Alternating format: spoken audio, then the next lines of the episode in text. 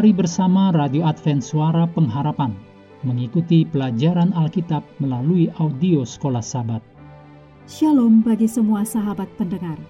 Kabar baik bahwa kisah dan kesaksian terkait siaran dan pelayanan AWR Indonesia kini dapat diikuti secara berkala, baik melalui siaran harian Radio Advent Suara Pengharapan setiap minggu kedua dan keempat juga melalui YouTube dan Facebook AWR Indonesia. Terima kasih banyak untuk yang sudah menyampaikan dan masih terbuka bagi Anda semua untuk segera SMS atau telepon ke nomor AWR di 0821 1061 1595 atau di nomor 0816 1188 302 untuk WhatsApp dan Telegram. Kami tetap menunggu dukungan Anda.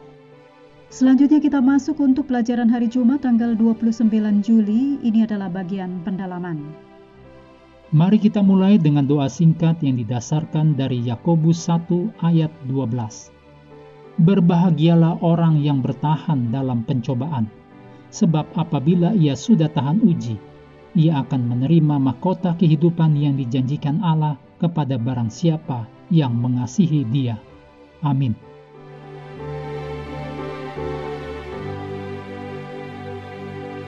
Bacalah tulisan Ellen G. White, judulnya Ujian Iman, dalam buku Alfa dan Omega jilid 1 halaman 163 sampai 174. Kemudian dengan judul Praise Ye the Lord dalam Testimonies for the Church jilid 5 halaman 315 sampai 319. Berikut ini kutipan dari buku Alfa dan Omega jilid 1 halaman 142 dan 143. Allah selalu menguji umatnya di dalam dapur api penderitaan. Adalah di dalam panasnya dapur api itu di mana kotoran-kotoran dipisahkan dari emas murni, yaitu tabiat Kristen.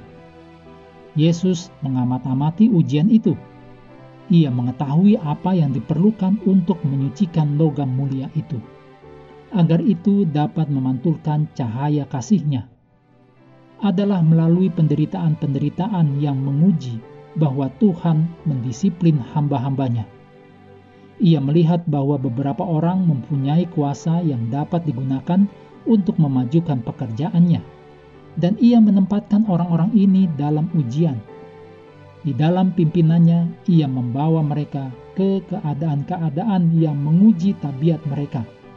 Ia menunjukkan kepada mereka kelemahan-kelemahan mereka dan mengajar mereka agar bersandar kepadanya.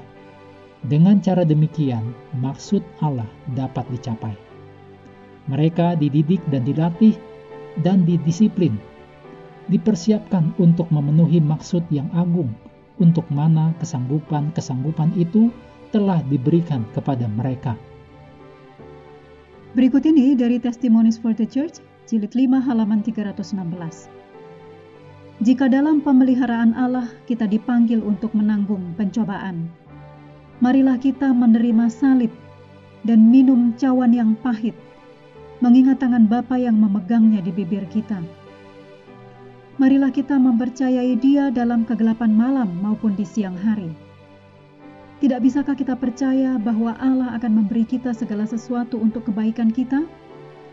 Bahkan di malam kesengsaraan, bagaimana kita bisa menolak untuk mengangkat hati dan suara dalam pujian syukur ketika kita mengingat kasih kepada kita yang diungkapkan oleh salib Kalvari? Berikut hal-hal untuk diskusi. Yang pertama, dalam kelompok diskusi, mintalah seseorang menceritakan ujian imannya sendiri yang cukup berat, walau tidak seberat yang dialami Abraham. Tariklah pelajaran dari pengalaman orang itu, baik dari keberhasilan atau kegagalannya. Yang kedua, tinjau 24 jam terakhir kehidupan Kristus sebelum penyalipannya. Situasi ekstrim apakah yang Yesus hadapi? Bagaimanakah Yesus bertahan Ambillah prinsip-prinsip dari teladan Yesus dan terapkan bagi diri kita sendiri ketika kita berada di tengah-tengah cawan lebur kita sendiri. Yang ketiga, diskusikan gagasan yang diberikan dalam pelajaran pekan ini tentang bagaimana melalui penderitaan kita sendiri, kita dapat melayani orang lain yang menderita. Seberapapun benarnya hal itu, apa sajakah masalah yang mungkin kita hadapi dengan gagasan ini? Yang keempat, Ellen White menulis, Marilah kita percaya kepada Allah dalam kegelapan malam maupun di siang hari. Ini lebih mudah diucapkan daripada dilakukan. Bagaimanakah kita dapat saling membantu mengembangkan jenis iman yang memungkinkan kita melakukan hal ini? Adalah penting untuk mempercayai Allah di saat-saat sulit. Mengakhiri pelajaran hari ini, mari kita kembali ke ayat hafalan kita dalam Yesaya 53 ayat 10. Tetapi Tuhan berkehendak meremukkan dia dengan kesakitan. Apabila ia menyerahkan dirinya sebagai korban penebus salah, ia akan melihat keturunannya, umurnya akan lanjut, dan kehendak Tuhan akan terlaksana olehnya. Hendaklah kita terus tekun mengambil waktu, bersekutu dengan Tuhan setiap hari bersama dengan seluruh anggota keluarga.